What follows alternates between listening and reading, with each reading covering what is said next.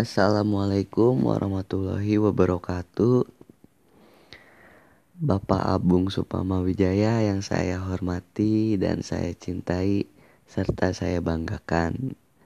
Dan tak lupa asdos-asdos yang tidak bisa saya sebutkan. Juga teman-teman yang telah menghiasi dunia perkuliahan saya jadi saya di sini akan menjelaskan tentang sejarah radio. Sebelum kita masuk ke materi, saya ingin menjelaskan awal mula terbentuknya bukan terbentuk awal mula saya membuat podcast ini jadi saya membuat podcast ini karena keterpaksaan. Aduh. Karena keterpaksaan. Dan sebenarnya kesalahan saya juga sih, saya tidak mengikuti kuis yang dibuat oleh dosen saya Bapak Abung Supama Wijaya sedikit klarifikasi. Anjay klarifikasi. Jadi saya buat eh saya tidak ikut kuis ini bukan karena nggak mau tapi keterbatasan sinyal yang dialami oleh saya Jadi, saya cuma mau meluruskan saja. Saya tidak mengikuti kuis bukan karena malas ataupun tidak mau. Eh bukan, bukan tidak mau ya. Pokoknya saya tuh tidak ikut kuis ini karena susah sinyal. Tuh susah sinyal gak tuh? Udah kayak di film-film aja. Tapi asli di rumah saya itu saking susah sinyalnya saya mau pasang wifi juga. Tidak bisa. Lama banget. Sampai sekarang saya cuman mentok di pengajuan pengajuan pengajuan. Jadi saya tuh mau bikin eh mau pasang wifi itu susahnya minta ampun. Udah pengajuan ada kali 5 atau 6 kali lah ke Telkom tapi hasilnya nihil. Sampai sekarang cuma ada towernya doang tapi belum bisa tuh pasang wifi. Jadi mohon maaf ya. Mohon maaf kepada mohon maaf lah pokoknya kalau saya tidak dapat mengikuti perkuliahan dengan baik. Apalagi kuliah online ini nih yang membutuhkan banyak sinyal. Nah, langsung saja kita ke materi. Sebelumnya, sebelum ke materi juga, saya mohon maaf apabila informasi yang saya sampaikan tidak lengkap atau tidak dimengerti mohon diwajarin lah pokoknya. Saya pokoknya mohon diwajarin lah pokoknya. Mohon pengertiannya. Baik eh, mungkin kita mulai dari pengertian radio. Hmm, jadi radio itu teknologi yang digunakan untuk mengirim sinyal dengan modulasi dan radiasi elektromagnetik atau gelombang elektromagnetik. Jadi radio itu erat kaitannya dengan gelombang elektromagnetik. Nah, gelombang ini melintas dan merambat di udara dan bisa juga merambat lewat ruang angkasa yang hampa udara. Karena gelombang ini tidak memerlukan medium pengangkut seperti molekul udara. Nah, setelah kita mengetahui apa itu radio, kita langsung saja ke sejarah radio. Sejarah radio sejarah teknologi yang menghasilkan peralatan radio yang menggunakan elek gelombang elektromagnetik yang bukan bukan bukan. Sejarah radio adalah sejarah teknologi yang menghasilkan peralatan radio yang menggunakan gelombang radio. Stasiun radio paling awal mm, menggunakan sistem radiotelegrafi dan tidak membawa audio seperti yang kita tahu sekarang. Agar siaran audio dimungkinkan, perangkat deteksi dan aplikasi elektro elektronik harus digunakan. Nah, sejarah penemuan radio itu dimulai di Inggris teman-teman dan Amerika Serikat. Donald McNichol dalam bukunya Radio Conquest of Space menyatakan bahwa terkalahkannya ruang angkasa oleh radio dimulai tahun 1802 oleh Den, yaitu dengan ditemukannya suatu pesan dalam jarak pendek dengan menggunakan alat sederhana berupa kawat beraliran listrik. Penemuan berikutnya oleh tiga orang cendikiawan muda. Di antaranya adalah James Maxwell berkebangsaan Inggris pada tahun 1865. Ia dijuluki Scientific Father of Wireless karena berhasil menemukan rumus-rumus yang diduga mewujudkan gelombang elektromagnetik yang cikal bakalnya menjadi yang menjadi gelombang radio gelombang yang digunakan radio dan televisi. Pada tahun 1896 ilmuwan Italia Guglielmo Marconi mendapatkan hak paten atas telegraf nirkabel yang menggunakan dua sirkuit pada saat pada saat itu. Sinyal ini hanya bisa dikirim pada jarak dekat. Namun, hal ini yang memulai perkembangan teknologi radio. Pada tahun 1897, Marconi kembali mempublikasikan penemuannya bahwa sinyal nirkabel dapat ditransmisikan pada jarak yang lebih jauh, kira-kira 12 mil. Hmm, kemudian pada tahun 1899, Marconi juga berhasil melakukan komunikasi nirkabel antara Prancis dan Inggris lewat Selat Inggris dengan menggunakan osilator Tesla.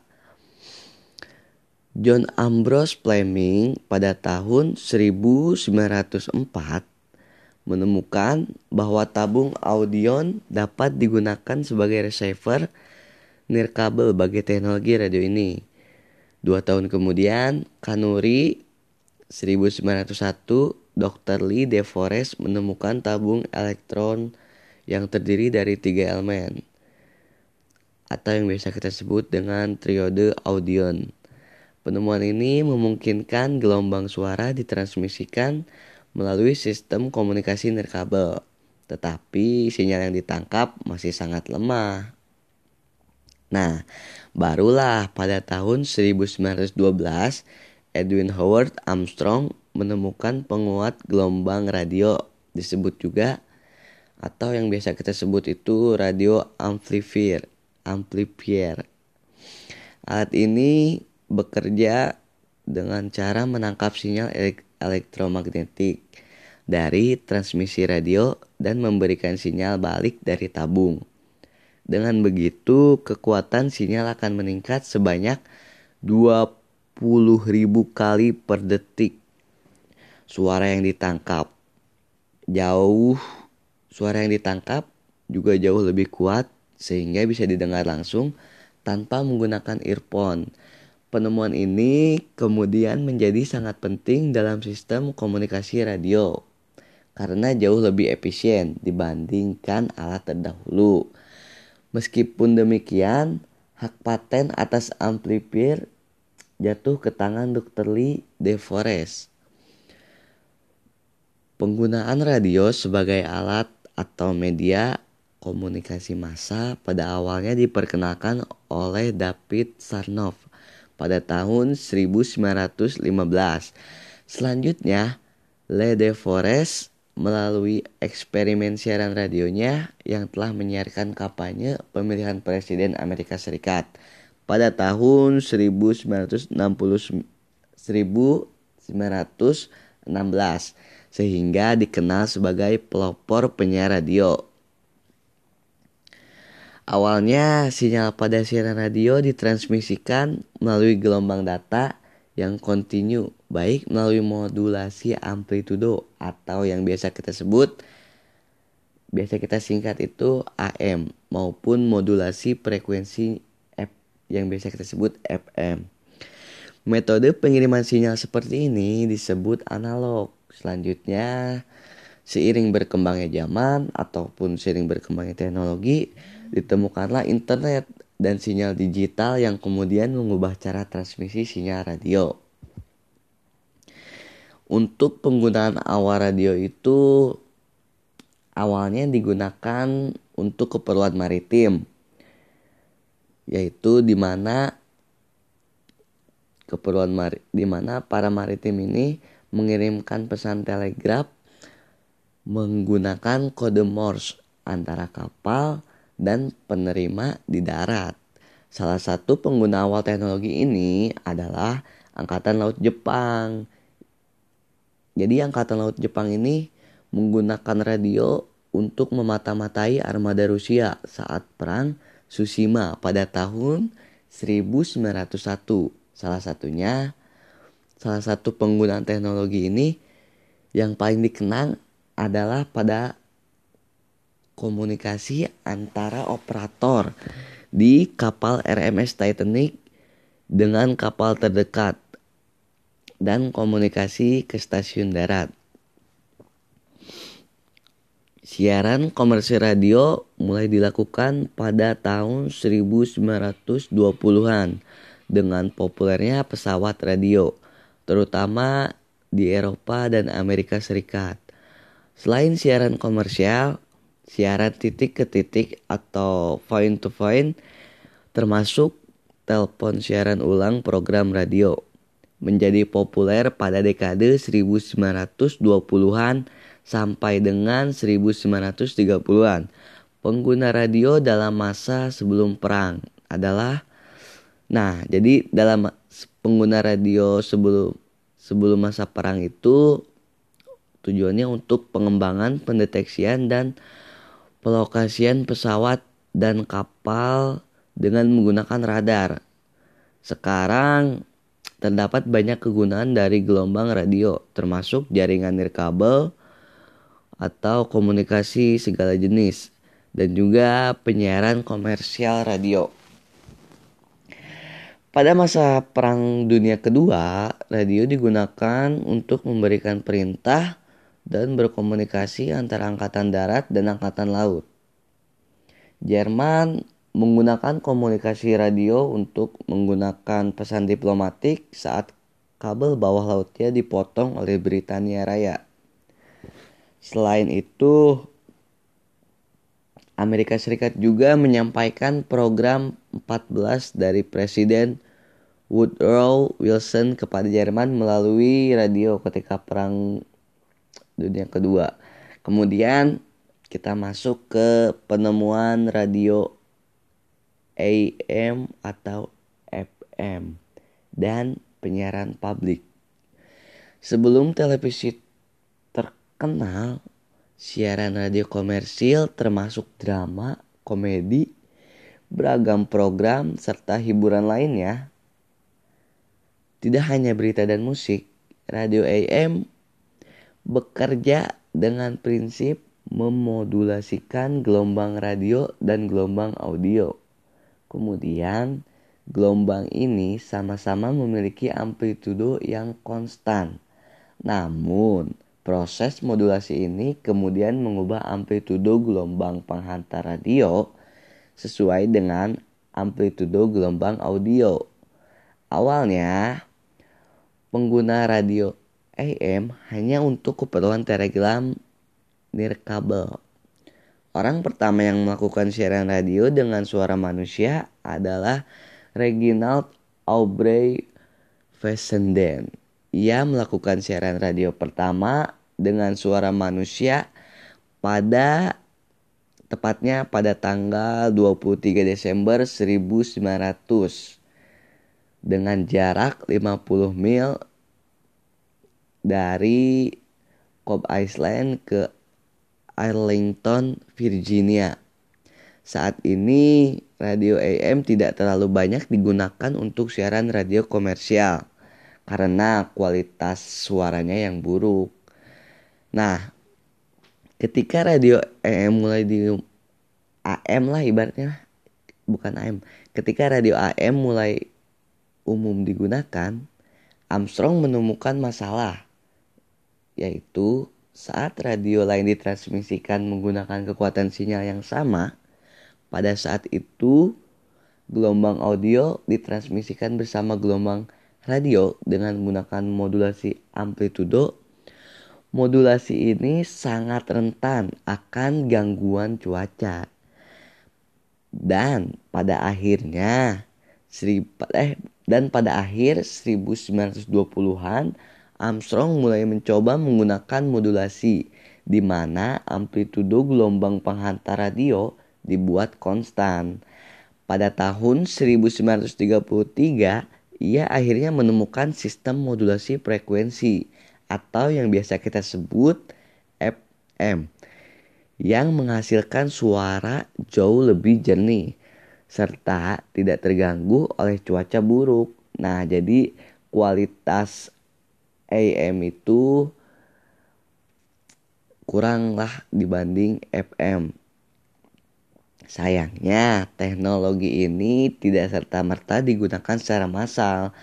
Radio FM atau modulasi frekuensi bekerja dengan prinsip yang serupa dengan radio AM yaitu dengan memodulasi gelombang radio sebagai penghantar dengan gelombang audio.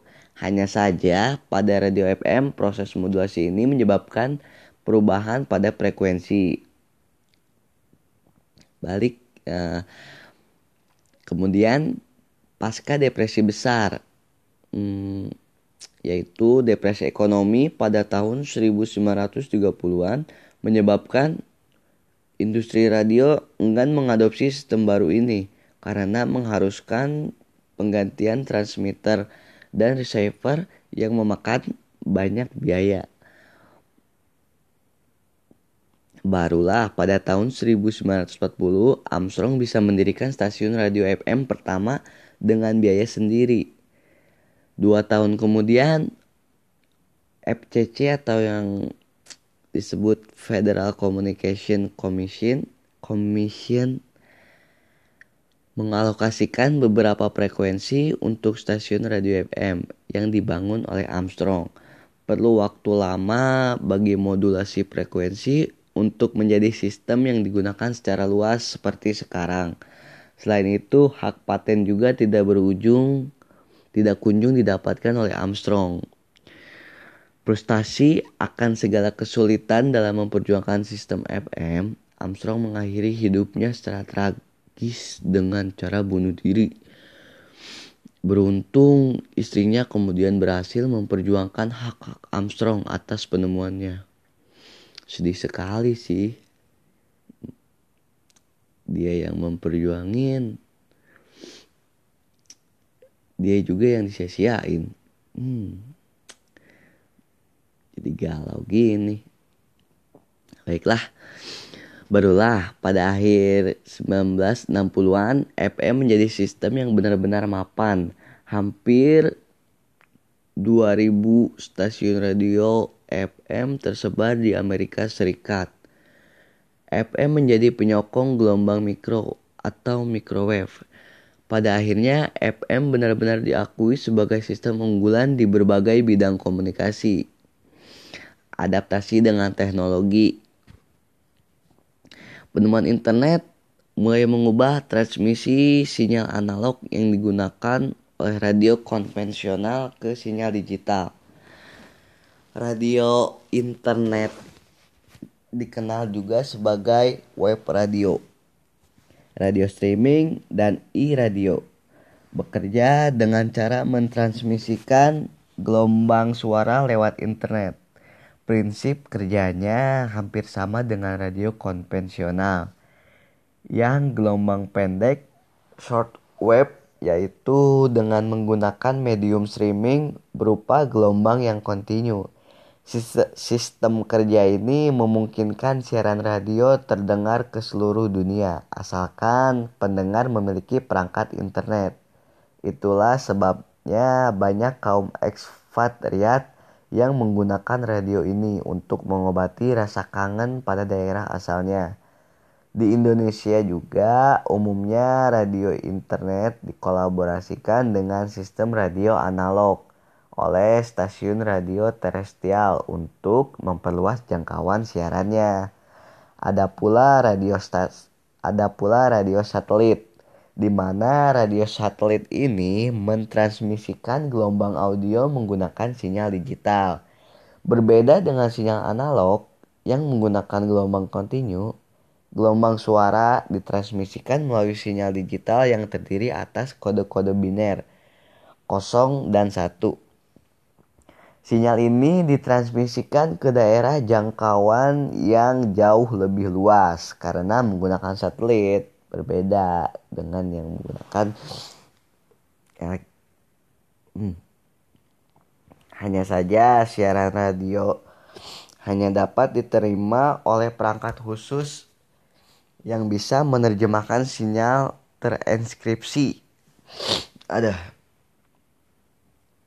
siaran radio satelit juga hanya bisa diterima di tempat terbuka di mana antena pada pesawat radio memiliki garis panjang sejajar dengan satelit pemancar. Radio satelit hanya bisa bekerja apabila tidak memiliki penghalang besar seperti terowongan atau gedung. Oleh karena itu, perangkat radio satelit banyak dipromosikan untuk radio mobil. Untuk mendapat transmisi siaran yang baik, perlu dibuat stasiun repeater atau pengulangan seperti di Amerika Serikat agar kualitas layarnya prima. Nah, radio masuk ke Indonesia Pasca kemerdekaan RI sampai pada masa awal kemerdekaan RI, radio siaran masih dikuasai oleh Jepang hingga ketika Bung Karno dan Bung Hatta memprom memproklamasikan kemerdekaan Indonesia. Berita ini tidak dapat disiarkan secara langsung melalui radio siaran, akan tetapi akhirnya berita proklamasi kemerdekaan Indonesia dapat dikumandangkan di udara melalui radio siaran atau station call Radio Indonesia Merdeka. Jadi radio ini merupakan alat bersejarah bagi kemerdekaan Indonesia ya bisa dibilang. Radio pertama yang berdiri dan menjadi milik Indonesia setelah kemerdekaan adalah Radio Republik Indonesia atau RRI yang didirikan pada 11 September 1945 sampai akhir tahun 1966 RRI menjadi satu-satunya radio siaran di Indonesia yang dikuasai dan dimiliki oleh pemerintah. Peran dan fungsi radio siaran ditingkatkan sebagai media massa, RRI mempunyai fungsi menghibur, mendidik, dan penerangan. Ketika fungsi ini dilaksanakan oleh RRI, RRI hadir di tengah-tengah masyarakat menjalankan misi dan tujuan mulia yang dapat dipertanggungjawabkan. RRI adalah satu-satunya radio yang menyandang nama negara yang siarannya ditujukan untuk kepentingan bangsa dan negara sebagai lembaga penyiaran publik yang independen, netral, dan tidak komersial. RRI berfungsi memberikan pelayanan siaran informasi, pendidikan, hiburan yang sehat, kontrol sosial, serta menjaga citra positif bangsa di dunia di dunia internasional. Pada masa awal Orde Baru sekitar 1966 1968 radio siaran swasta mulai tumbuh di Indonesia yang keberadaannya mengikuti berbagai ketentuan yang telah ditetapkan oleh pemerintah.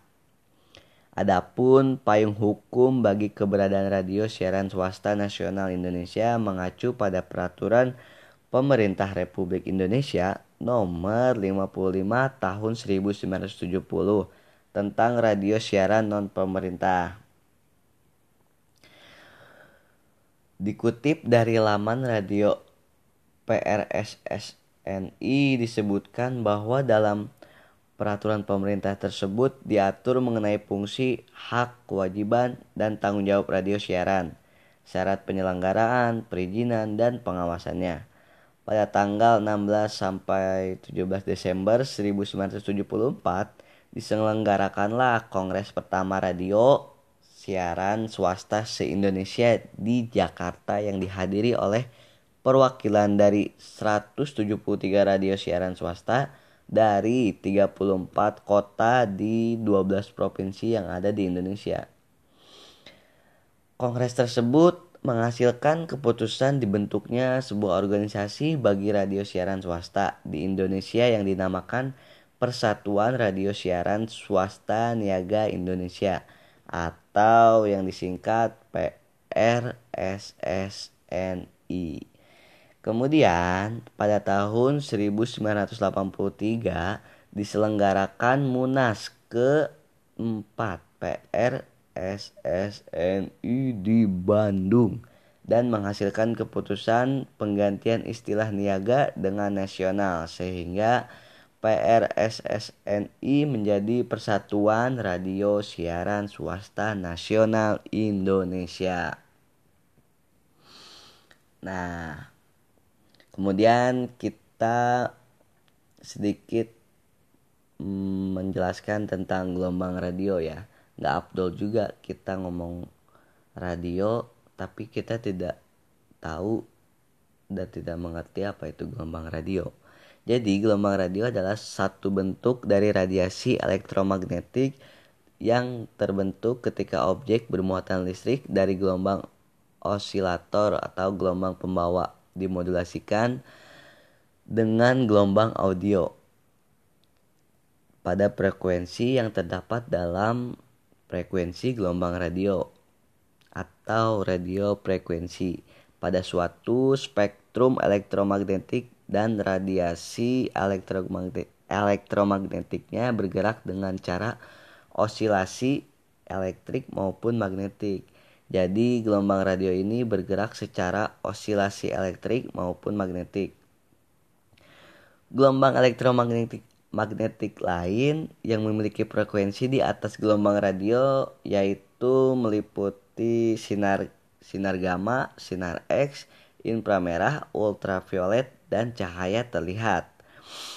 Ketika gelombang radio dikirim melalui kabel, kemudian dipancarkan oleh antena, Osilasi dari medan listrik dan magnetik tersebut dinyatakan dalam bentuk arus bolak-balik dan voltase di dalam kabel. Dari pancaran gelombang radio ini kemudian dapat diubah oleh radio penerima atau pesawat radio menjadi sinyal audio atau lainnya yang membawa siaran dan informasi. Undang-Undang Nomor 32 Tahun 2002 tentang Penyiaran menyebutkan bahwa frekuensi radio merupakan gelombang elektromagnetik yang diperuntukkan bagi penyiar dan merambat di udara serta ruang angkasa tanpa sarana penghantar buatan, merupakan ranah publik dan sumber daya alam terbatas.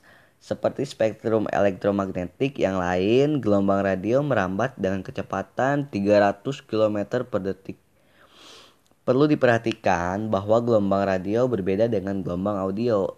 Gelombang radio merambat pada frekuensi 100 Hz sampai 100 juta Hz sementara gelombang audio merambat pada frekuensi 20 Hz sampai 20.000 Hz.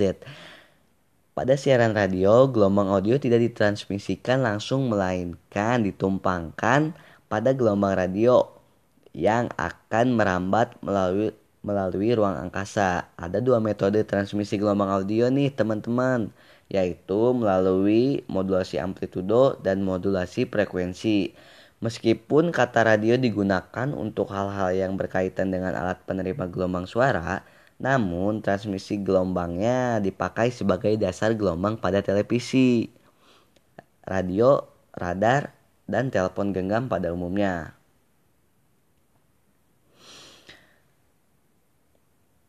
Kemudian das penemuan gelombang radio. Hmm, penemuan gelombang radio pertama kali dijelaskan pada tahun 1873 oleh James Clerk Maxwell dalam papernya di Royal Society. Pada 1878, David E. Hughes adalah orang pertama yang mengirimkan dan menerima gelombang radio ketika dia menemukan bahwa keseimbangan induksinya menyebabkan gangguan ke telepon buatannya. Dia mendemonstrasikan penemuannya kepada Royal Society pada tahun 1880 tetapi hanya dibilang hanya dibilang itu cuma merupakan induksi. Adalah Henrik Rudolf Hertz yang antara 1886 dan 1888 pertama kali membuktikan teori Maxwell melalui eksperimen memperagakan bahwa radiasi radio memiliki seluruh properti gelombang. Sekarang biasa disebut gelombang Hertzian. Dan menemukan bahwa persamaan elektromagnetik dapat diformulasikan ke persamaan turunan parsial atau biasa disebut persamaan gelombang. Nah, mungkin cukup sekian informasi yang saya sampaikan Mohon maaf apabila dalam pengucapan katanya kurang jelas dan informasi yang disampaikannya kurang jelas. Saya mohon maaf karena ini subuh saya baru ingat ada hukuman buat podcast ini. Sebelumnya saya juga berterima kasih kepada Bapak Bung Supama Wijaya karena kalau tidak diberi hukuman membuat podcast ini mungkin saya tidak akan dan tidak pernah mencoba untuk membuat podcast ini suatu pengalaman berharga buat saya berbicara sendiri di de di depan gadget dengan materi yang kurang saya kuasai sungguh membuat saya penasaran dan cukup membuat jantung berdebar. Melebihi berdebarnya jantung ini saat melihat sang pujaan hati ih anjing apaan sih ini gak jebu pokoknya mohon maaf yang sebesar besarnya karena tidak mengikuti quiz dan alhamdulillah saya sudah menyelesaikan hukuman atas kelalaian saya. Saya Muhammad Al-Ajmi pamit undur diri, pamit mengudara. Wabillahi topik wal hidayah. Wassalamualaikum warahmatullahi wabarakatuh.